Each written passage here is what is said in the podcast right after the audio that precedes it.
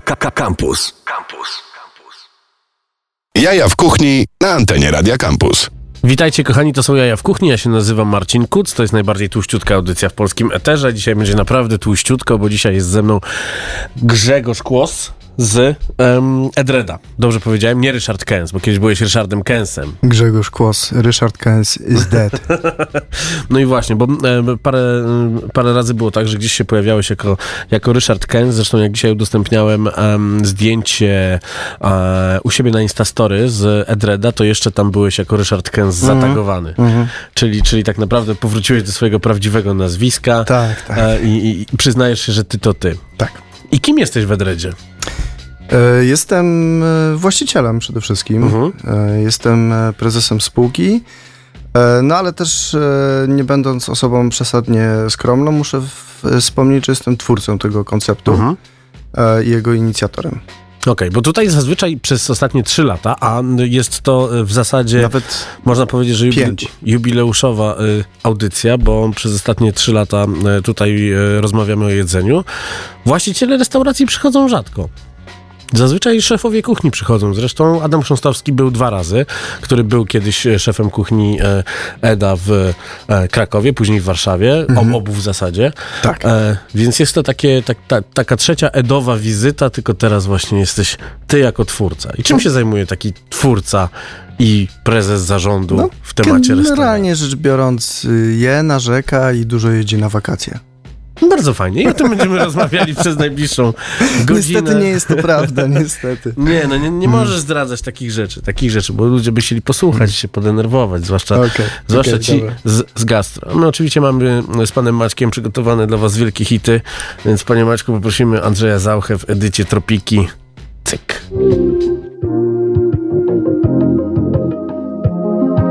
nie takie już mnie kochały i szalały tu za mną panny.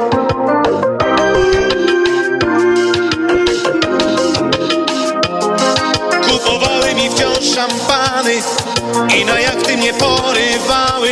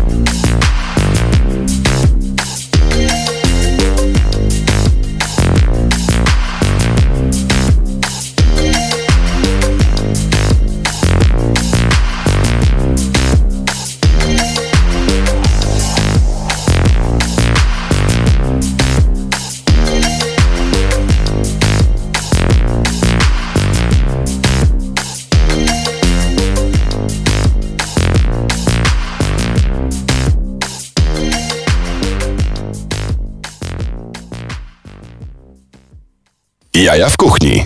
No właśnie, to są jaja w kuchni, czyli taka audycja, w której rozmawiamy o jedzeniu i puszczamy fajne piosenki, a później możecie sobie tych fajnych piosenek, których nie ma na Spotify, posłuchać na podcastach, bo mamy teraz już też e, podcasty i na Spotify wpisując jaja w kuchni możecie, możecie wszystko znaleźć, tak jak dzisiejszą rozmowę z Grzegorzem Kłosem, prezesem spółki EdRed.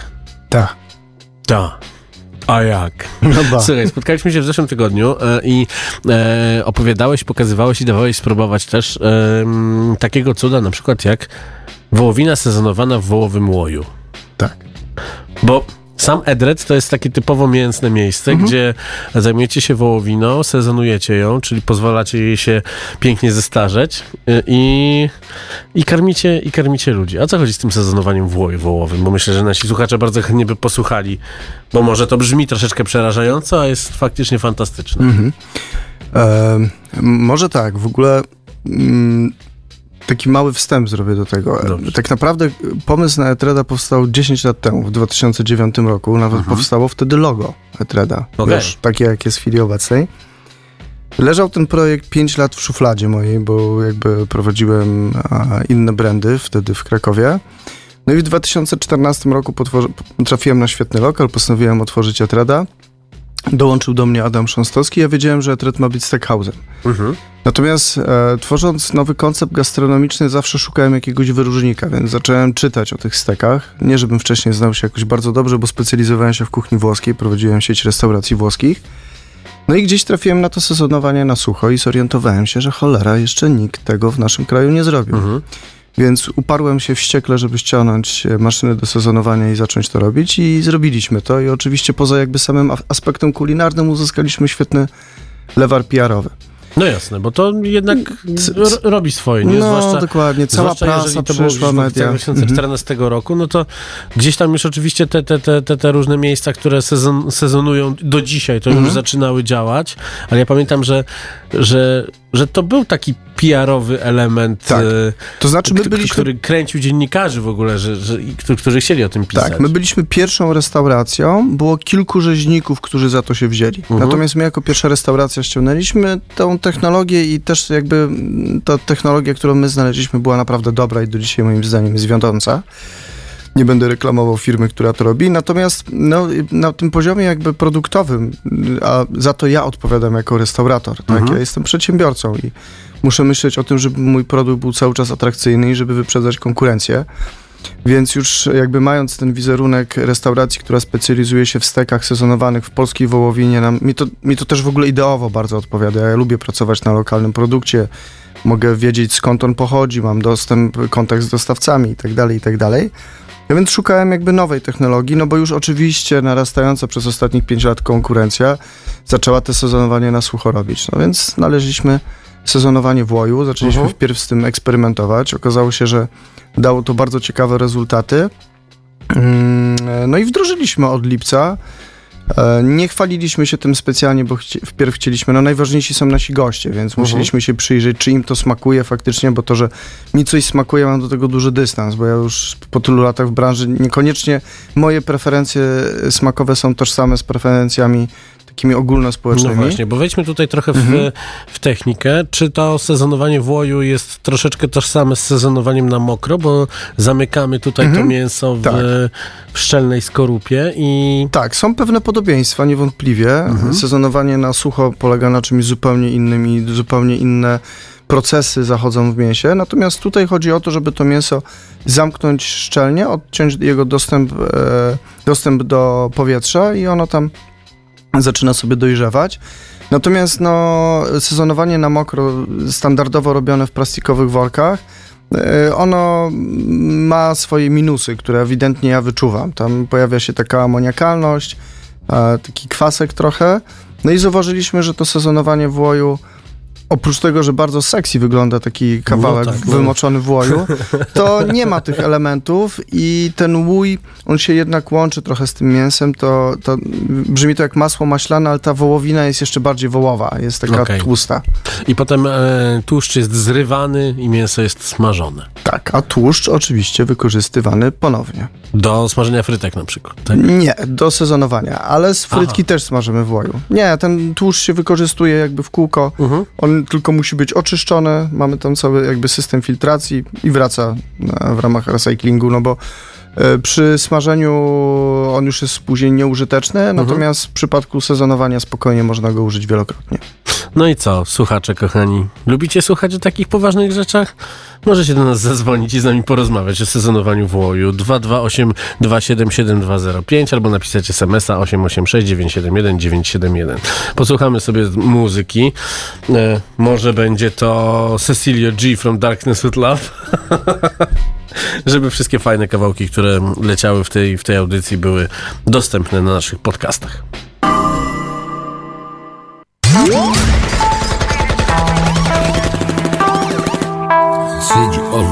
Bro. Okay.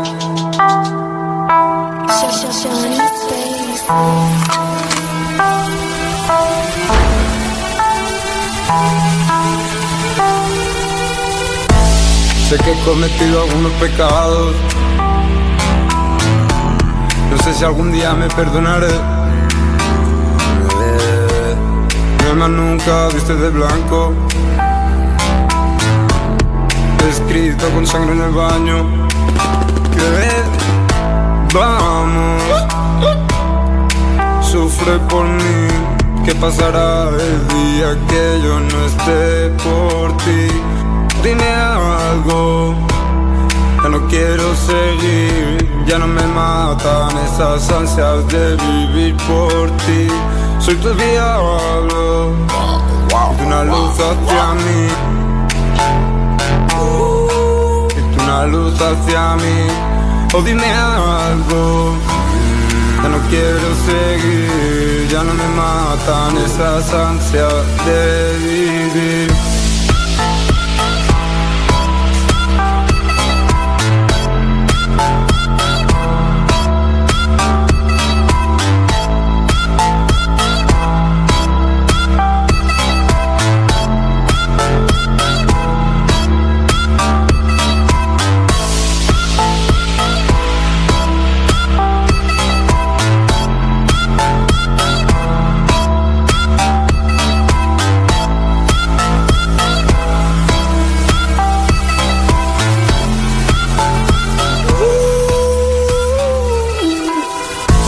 Sé que he cometido algunos pecados.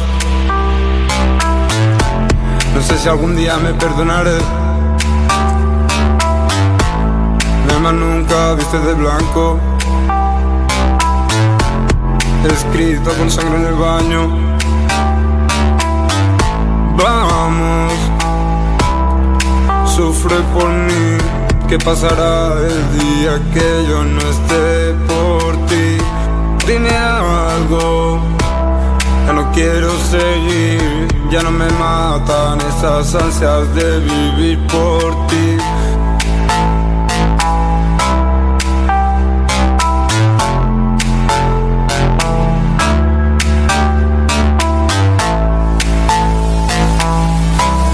Ya no quiero seguir, ya no me matan esas ansias de vivir.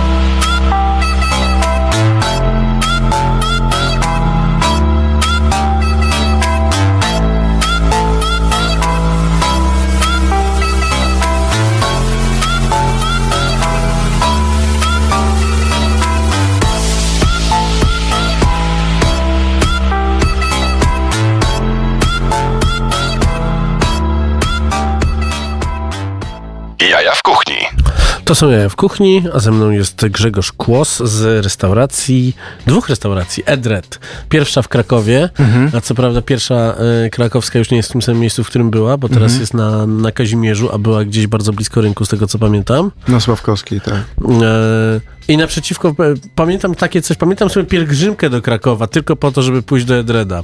Naprawdę coś takiego zrobiłem, że wsiadłem w pociąg, pamiętam, że, e, sp, że, że spałem w hotelu Puro, który bardzo lubię, bo kiedyś dla nich pracowałem, jak jeszcze byli dziurą w ziemi we Wrocławiu i to krakowskie bardzo chciałem zobaczyć, się tam przespać dobę, ale przede wszystkim chciałem przyjść i zjeść. I pamiętam, że wchodząc tam, trafiłem na taki widok, że siedzi pani i je rybę. I ja to zawsze pytam, tak. dlaczego ryby w steakhouse'ie? No, wydaje mi się, że to jest taki standard ogólnoświatowy. Restauracja to nie jest tylko miejsce, gdzie przychodzi się zjeść, ale też spędzić czas z ludźmi, więc musimy uwzględnić, że nie wszyscy jedzą mięso, tak? Bo ryby to nie mięso. Na ryby przykład, i kurczak to też nie mięso. Nie no, okej, że nie mają ochoty zjeść czerwonego mięsa. Już zostałem przyłapany. Ale nawet mamy też danie wegetariańskie. Kiedyś to było zawsze e, kaszotto, mamy sałatki, więc jakby wiadomo, że zdecydowaną większość naszej sprzedaży stanowi mięso, a Mhm. z tego mięsa najwięcej to są steki. Ale nie pozbawiamy naszych gości możliwości wyboru. No właśnie. I potem e, kilka lat później e, em, zaczęliście odnawiać e, miejsce, w którym były, była wielka hala z butami na hali Mirowskiej. Był sklep z butami, Tak, takimi tak, tak. dziadowskimi totalnie podróbkami.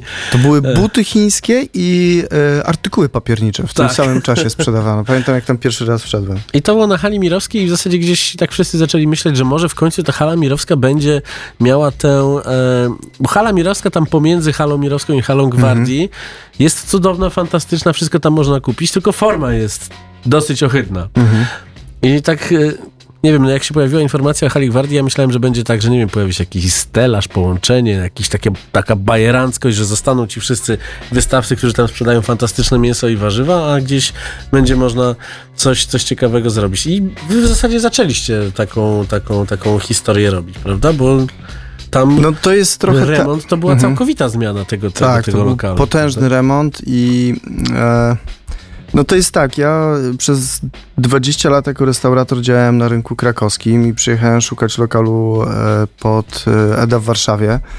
Oglądałem różne miejsca, natomiast jak przyjechałem do tej hali e, mirowskiej i zobaczyłem tą przestrzeń, tą kubaturę mm, i równocześnie ten zabytkowy budynek, to ja się zakochałem w tym po prostu Mhm. trochę. I to była decyzja może nawet y, zbyt emocjonalna. Szczególnie mój wspólnik, jeżeli teraz mnie słyszy, to y, wiem, że y, bardzo mocno przytakuje. E, e, więc no faktycznie jakby hala mirowska jest specyficzna i powiem zupełnie szczerze, że y, ja to w niej bardzo lubię. Tak, ja mam taką y, po tych 20 latach tą manierę krakowską, że lubię jak jest tak trochę dziadowsko. E, I e, uwielbiam robić zakupy na hali mirowskiej i dla siebie prywatnie regularnie tam co drugi dzień jestem.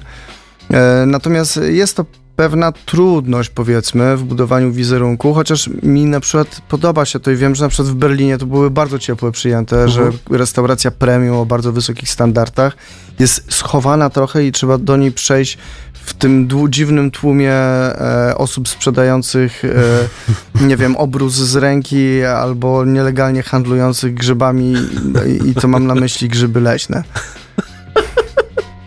No, to jest piękna historia. Tak, ja zazwyczaj Dreda odwiedzam e, obecnie wieczorami. Kiedyś przychodziłem bardzo często na lunche i przed, przedarcie się na lunche pomiędzy tymi Tak, kwiatami. Tak, No, jest, jest to cudowne. I Mhm. najlepsze jest to, że e, ci sami sprzedawcy e, zaczynają ci mówić e, wrzucaj bilecik do samochodu, bo chodzą i łapią, nie? Kiedy tak, widzą, kiedy widzą. ostrzegają generalnie rzecz biorąc, ale goście, którzy pomagają parkować też są bardzo sprawną Tak, tak, ekipą. kontro- kontrolerzy lotu. Tacy. Tak, tak, No, dokładnie. to jest, to Natomiast super. z tego, co mi wiadomo i co się mówi w kuluarach, to się ma zmieniać. Mhm. Te hale mają być połączone, cały czas się nad tym pracuje, ale to jest pewna jakaś melodia kilku ładnych lat. No, tylko oby nie było tak, że nagle znikną nam, e, wiesz, e, warzywa od krzesaków, Mhm. zioła od tej pani, która jest zaraz za halą mirowską, czy, czy, czy, czy, czy pani myślę, Ania. No. myślę, że mam, mam wielką nadzieję, że nie, bo uważam, że to jest jednak tak ogromny walor przyciągający ogólnie rzecz biorąc ludzi, tylko no trzeba by to podać w jakiejś takiej fajnej, kompromisowej formie, bo koszyki niezależnie od tego, jakim są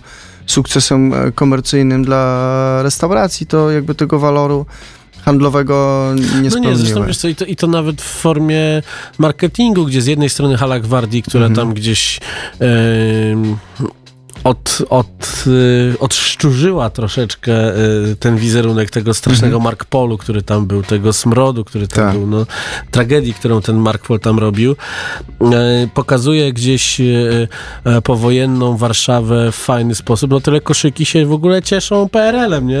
I to, Mhm. jest, to, to dopiero co była druga, co, co były drugie urodziny i znowu była celebracja, jak to fantastycznie było w partii i tak dalej, więc to jest dla mnie dramat, no, Mhm. Sorry, no. No tak. To jest, to, to właśnie i koszyki gdzieś straciły ten e, walor e, handlowy właśnie, bo tam przecież Kompletnie, można było. Mhm. kupić wszystko i ludzie, którzy tam wchodzili, starsi ludzie, którzy pamiętali stare koszyki, mówili, że tam, Mhm. no słuchaj, ja na hali koszyki, jak, jak została w zasadzie tylko tymi dwoma e, wejściami, które teraz dalej stoją, tam Mhm. był taki targ, to ja tam pierwsze sezonowane mięso kupiłem w swoim życiu. Od proszę. polskich steków, zresztą, No. które sprzedawał jakiś, jakiś ich, e, ich tam e, reseller, jak to się ładnie po polsku mówi. Mhm.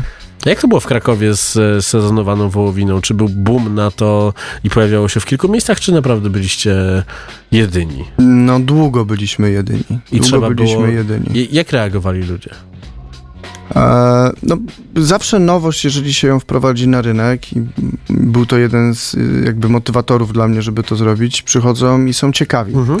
Natomiast y, to jest trudny produkt pod kilkoma względami. Po pierwsze, my musieliśmy się nauczyć robić to dobrze i porządnie, a przede wszystkim musieliśmy nauczyć naszych dostawców, bo sezonowanie na sucho jest bardzo bezwzględne dla jakości mięsa No tak. i wszystkie jego słabości wychodzą. No i różnie bywało. Do, do dzisiaj różnie bywa. To nie jest tak, że wołowina sezonowana na sucho wszystkim absolutnie zaskoczy. Tym bardziej, że my też robimy z nią różne rzeczy i bawimy się czasami i e, testowaliśmy bardzo długo sezonowane mięso. Do Dlatego ilu, też do ilu dni? Najdłużej wysezonowałem 180 Wow. dni. I to już musi być też mięso o bardzo wysokim poziomie marmurku, bo inaczej się zmienia po prostu Tak. wędlinę. Natomiast taki czas, który znaleźliśmy optymalny, to było, znaczy optymalny z tego takiego powiedzmy premium, to było w okolicach 90-100 dni. To już było bardzo dużo takich nut grzybowych, ziemistych, Mhm.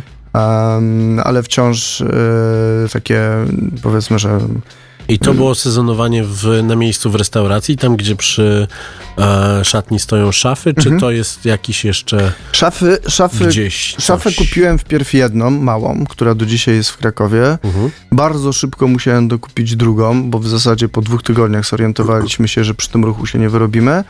Natomiast przed otwarciem restauracji w Warszawie musieliśmy dokupić komorę, którą mamy jedną z większych w Europie e, Środkowej, do sezonowania na dwie tony jakby mięsa, przynajmniej tej firmy. E, więc no, szafy mają taki trochę element wizerunkowy, żeby gość też mógł zobaczyć, chociaż oczywiście też w pełni wartościowe jest e, mięso i one nawet trochę szybciej zamykają niż komora. Jest łatwiejsza cyrkulacja powietrza w nich.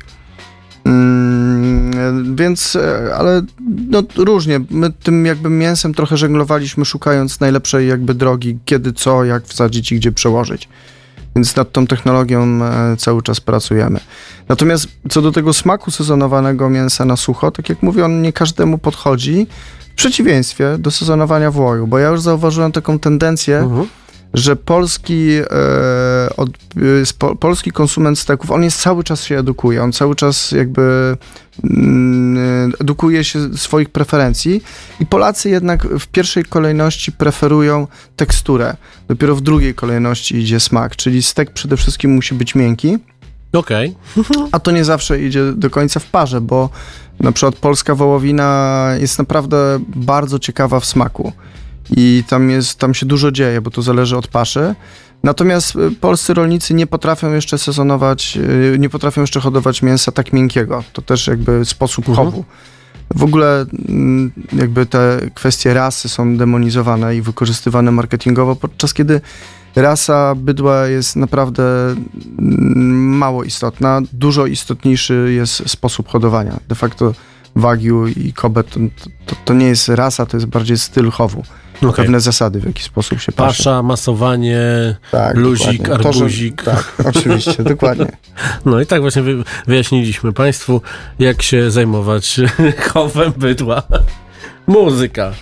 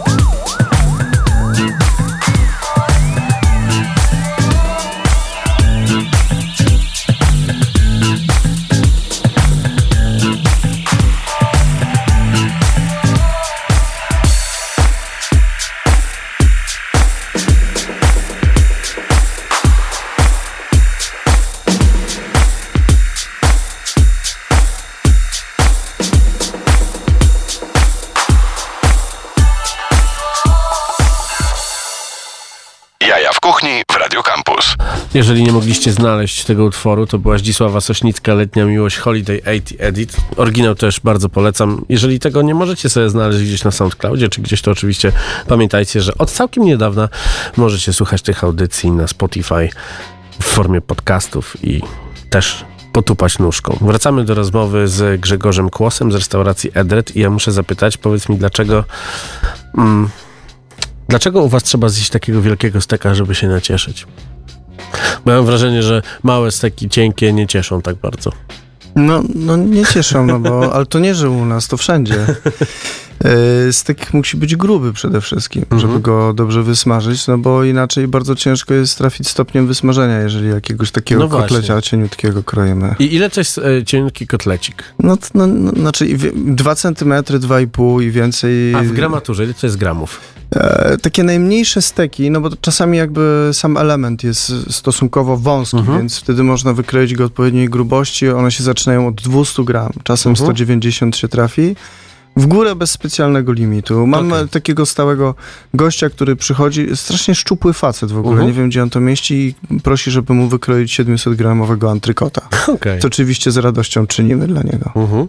I jak często przychodzi? Raz w tygodniu? Dwa? No, raz, dwa razy, raz w tygodniu, raz na dwa tygodnie. To jest w przypadku steakhouse uważam stały klient. Elegancko. No dobrze, i teraz to tak, bo e, z bardzo wieloma osobami rozmawiam o, o, o, Edredzie, bo to był jakiś taki fenomen, że zazwyczaj jest to fenomen, jeżeli ktoś e, w jakimś mieście w Polsce ma sukces i chce z tym sukcesem podzielić się z warszawiakami, a bardzo często się to dzieje. No robi to chociażby Poznańska Przyjemność, pizza, e, z, z wielkim powodzeniem, z bardzo różnych, z bardzo różnych miejsc gdzieś, gdzieś pojawiają się, pojawiają się różni gracze.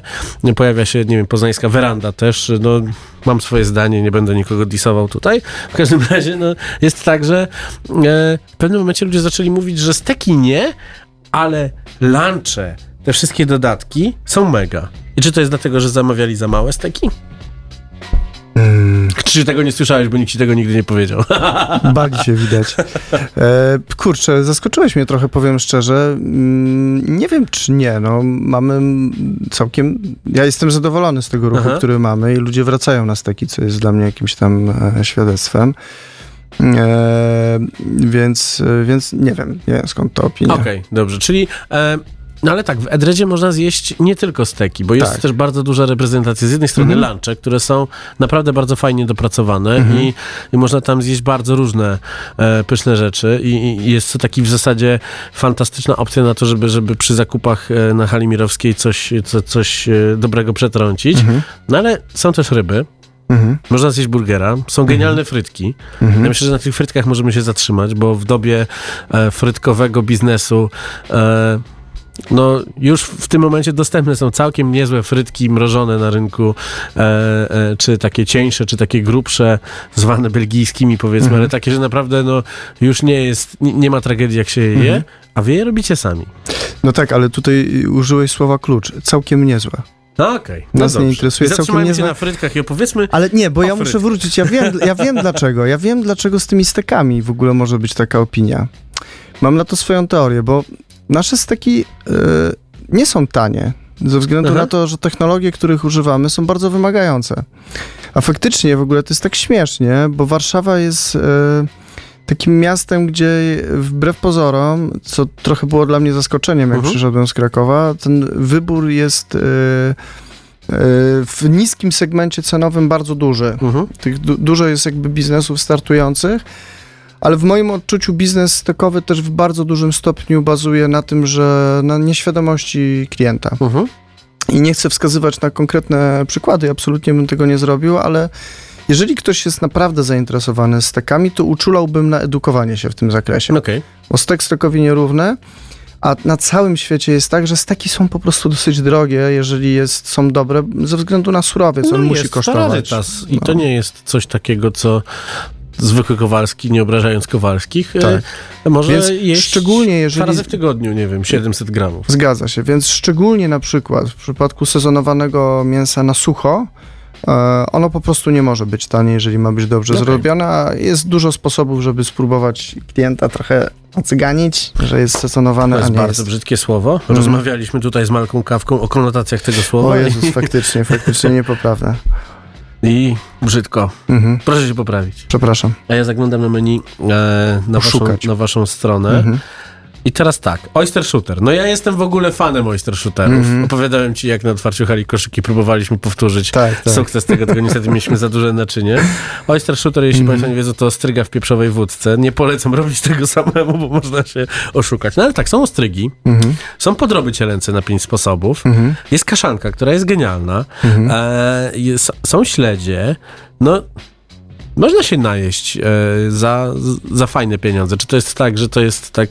Ja mogę zdradzić, ja mogę czy- zdradzić, to znaczy od początku jak otwierałem już Eda w Krakowie, to takim głównym jakby słowem, które mi i, i, i myślą, która mi towarzyszyła jest to, żeby to był lokal, który jest egalitarny. Okej. Czyli my można zjeść u nas steka za 150 czy za 200 zł, a Mhm. można zjeść bardzo dobrego burgera za 35.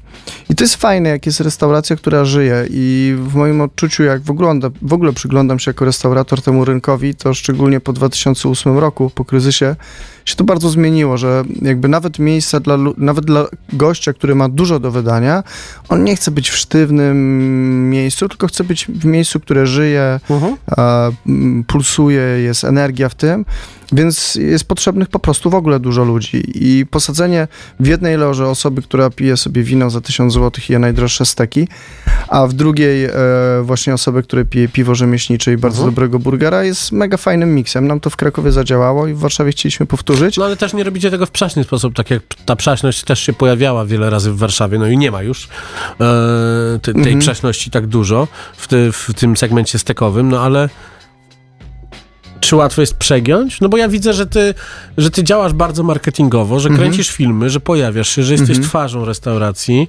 E, swego czasu jeszcze była historia taka, że można było zjeść e, e, e, można było dostać bardzo duży rabat e, korzystając z aplikacji, można Tak. było kupić udziały. Nie za dużo tego było? Nie jest tak, że sam produkt się chroni? Broni? E, Etred warszawski jest bardzo dużą restauracją. To jest jakby jeden Ile tam temat. jest, 700 metrów? To jest 700 metrów, ma cały obiekt. Restauracja jest na 160 miejsc siedzących.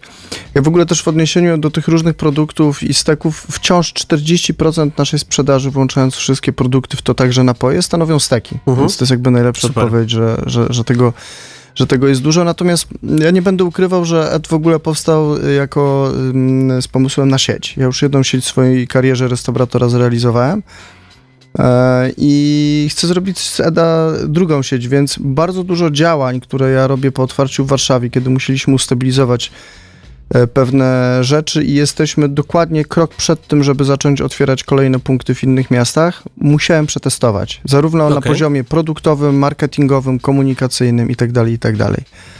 E, więc może stąd jakby dosyć, e, dosyć dużo tych ruchów. No i powiem Ci zupełnie szczerze, że jeżeli byśmy otworzyli restaurację, nie wiem, na 40 miejsc siedzących, to ja bym w ogóle nic nie musiał robić i ona byłaby pełna non-stop. Natomiast 160, na 160 e, osób e, restauracja jest zupełnie innego rodzaju wyzwaniem i nad tym trzeba pracować. To nie jest tak, że to się otwiera i po prostu działa. Szczególnie w tym segmencie jakby mm, cenowym, czy w ogóle produktowym, tak? To nie jest pizzeria, którą łatwiej wypełnić w takim trybie codziennym. Więc pracujemy, uczymy się, rozwijamy biznes, siebie, produkt. Muzyka. Ścinam przez żaluzję na okolice. Ona milczy głośniej niż krzyczę Chcę ją lekko musnąć w policzek. Zostawia mnie, a obok ciszę.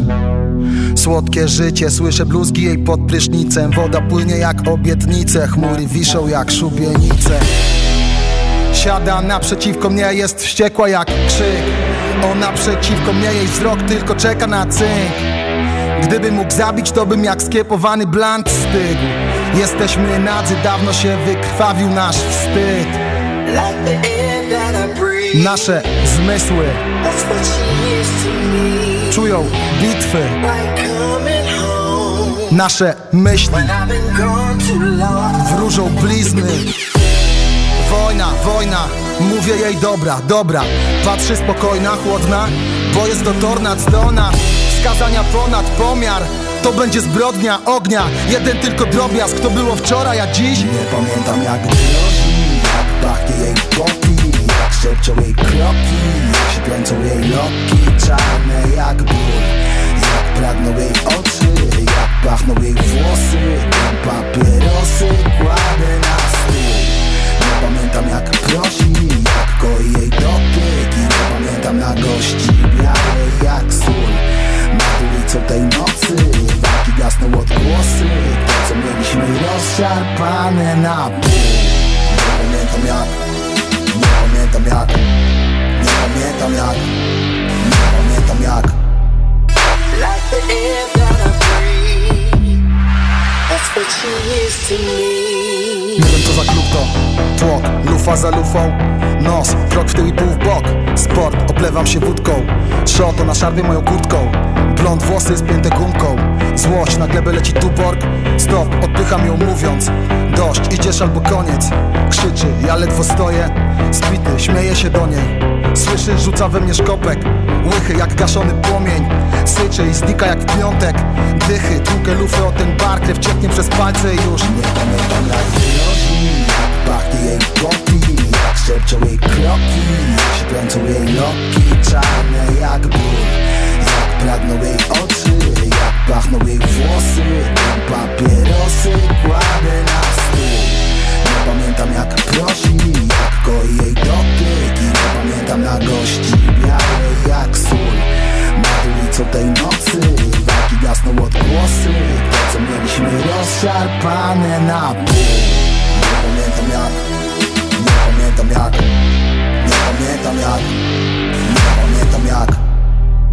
Like the air that I breathe That's what she is to me światło lamp Zataczam się kaszląc, czkam, mija mnie patrol Fart, żygam, drgardło Chlam, rozbita jak szkło Twarz na ręce już zasło Płaszcz na gębie, a ponadto Bland, to chyba jej auto Tam, podjeżdża jak zjawa W becie bredzę jakiś banał Dreszcze, co robisz? Wsiadaj Szepcze, cedzę spiala Nie chcę, ona nie błaga Więcej odjeżdża sama Wreszcie tłukę butle o krawężnik Księżyc i noc, gęsta jak krew Akademickie Radio Campus.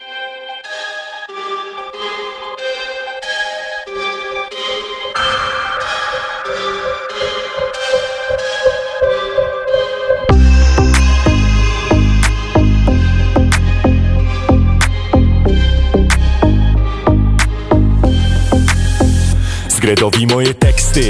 Tłumaczy syn sąsiada Ten niewiele klei Bo ma już swoje lata A mało lata kiedy słucha Pilnuje tata I kaszle na przekleństwach. Koniec świata Soku wjeżdża Weź coś na znieczulenie. Niektórzy mówią Że dziurawe mam kieszenie Bo ciągle wpada hajsa Ja ciągle go wydaję. Żyć trzeba umieć A nie kitrać jak frajer. Przewidziałem tutaj kiedyś Ile kłebo będzie wart. Kubuś trzymaj przy orderach Nie pokazuj im kart. My mamy fart, że żyjemy tak Bo umimy nie jak hitra baba Co se zajumała trzy cytryny Chce napawać się tą chwilą. Wiem, że nie było nigdy lżej. Chcemy być wyżej. Mój lot Zgarniamy wszystko wcale nie siłą Bo żyć trzeba umieć co by się nie urodziło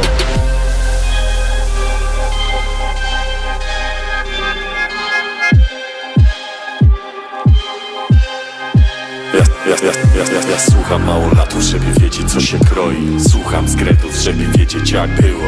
Jedni i drudzy słuchają słów moich. Trzeba umieć, co by się nie wydarzyło. Ziomuś se do tego teraz szura nogą A turystki obok z mokrych palców robią. Zip składu logo, żadna nie jest zawstydzona. Nowa szkoła na dance florach Głos sokoła na strefach VIP. Goście wołają ochronę, bo wjechał zip I wszystko jest dozwolone, już dziewczyny ich Otoczyły mnie kordonem, trzeba umieć żyć z góry Nic nie jest ustalone. Masz śrubokręt, bo ten beat wykręca śruby w furach. Robię cardio w klubach, nie jeden tu prawie umarł. Spotkaliśmy się na dole, jak wynosił śmieci. Już drugą dobę Stefan w klapkach i skarpecie. Na balecie leci, to teraz modne Więc łapie wzrok maniurek. Kolejny selekcjoner na nasz widok znów odpina sznurek. A w poniedziałek maile, spotkania i zarząd. Żyć trzeba umieć, bawić się i wyjść z twarzą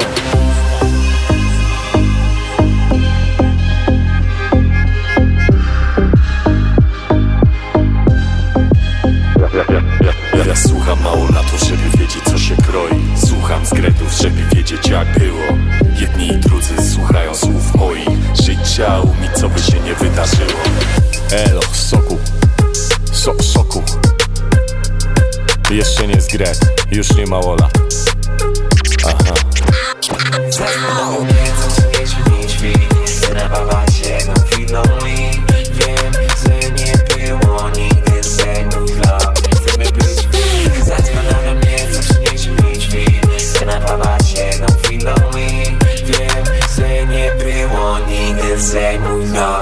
Chcemy być wyżej Jaja w kuchni. Gdzie się fajniej prowadzi restaurację Edred? W Krakowie czy w Warszawie? O Jezus, jakie trudne pytanie. To trzeba by mnie zapytać, gdzie mi się fajniej mieszka.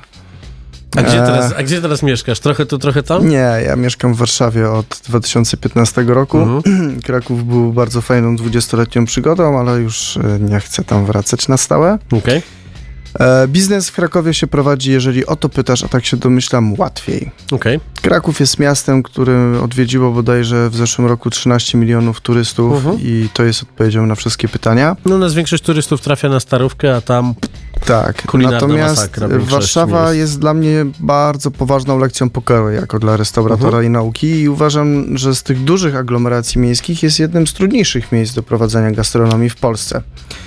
Patrząc na to z perspektywy tych kilku lat. Przede wszystkim Warszawa, kiedy robi się tylko okazja na to, żeby z tego miasta wyjechać, wygląda jakby była po wybuchu e, bomby jądrowej. Mhm. Pustoszeje całkowicie. Znaczy ja mam wrażenie, że, jest, że, że to też jest kwestia tego, jakie, e, na jaką target grupę ładnie po marketingowemu e, patrzysz. Bo są Mhm. tacy, którzy, którzy są powiedzmy z tego boomu przeprowadzania się do miasteczka Wilanów, kadra kierownicza z Mordoru, Mhm. teraz to salarii menowy, którzy usilnie nie chcą nosić krawatów, ale cały czas je mają zaciśnięte na szyi, nawet jak, jak ich nie widać, to oni wyjeżdżają. Mhm.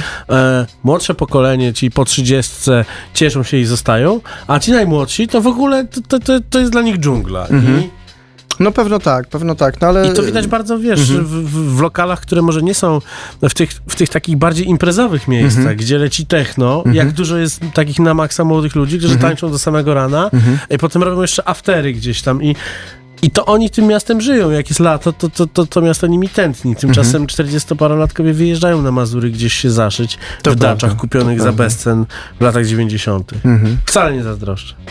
Ja też nie. Ja, ja na ogół wyjeżdżam w Bieszczady. Bieszczady są super. E, a jak jest, e, czy, czy, to mięso, to jest mięso faktycznie z Małopolski tylko, czy, czy, czy, czy, czy, Nie, czy nie, to nie jest tylko z Małopolski. A akurat e, faktycznie mamy od jednego, e, jakby różne mięsa mamy od różnych dostawców Mhm. z Polski. Ale z Polski tylko. Z Polski. To znaczy mamy też e, steki argentyńskie, Mhm. e, bo niektórzy goście sobie tego życzyli, ale generalnie rzecz biorąc bazujemy na polskim Czy one przyjeżdżają zamrożone, czy się sezonują po drodze? Sezonują się po drodze, tak Okej. jest z Argentyną generalnie rzecz biorąc. Natomiast e, na przykład rozbew e, z Herreforda, który jest sezonowany w Woju, mamy faktycznie z Małopolski, z Limanowej. Mhm. E, antrykot już mamy z troszeczkę innego miejsca.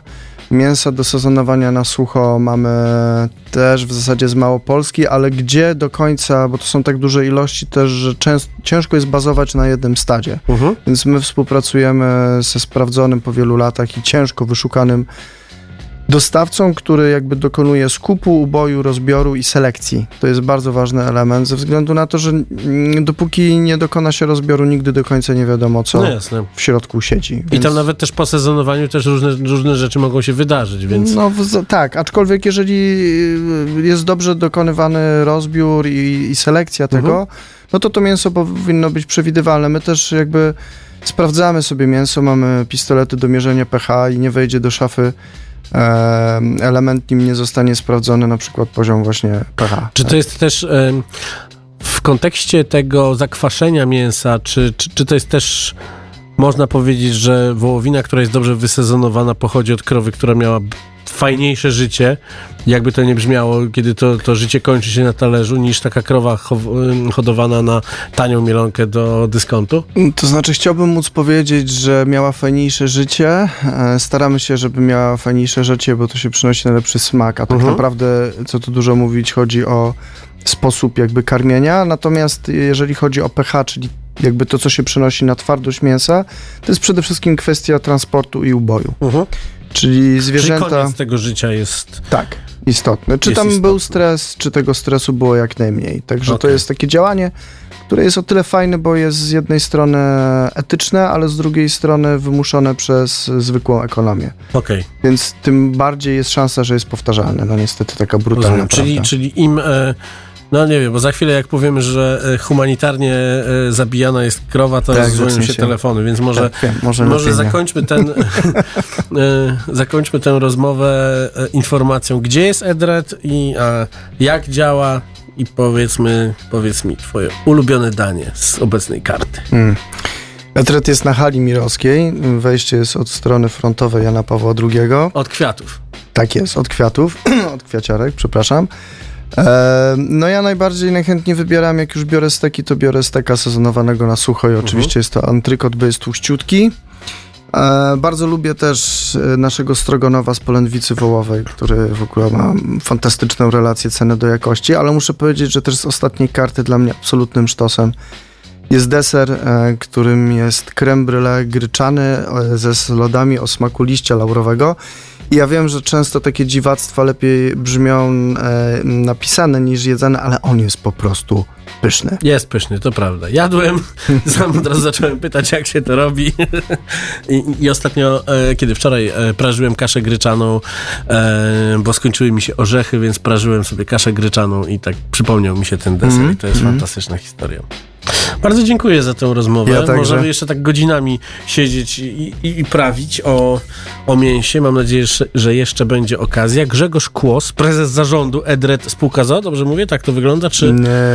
Nie, nie, nie. Jest Airbyte, spółka ZO, spółka komandytowa, ale też jest Etres, Etret SA, który przygotowuje się do dalszego rozwoju i ekspansji na Dobrze. inne miasta. Więc e, kupujcie udziały, jak tylko będzie można to zrobić i, i, i- i inwestujcie w polską sezonowaną wołowinę, bo jest pyszna. Dzięki. Dzięki.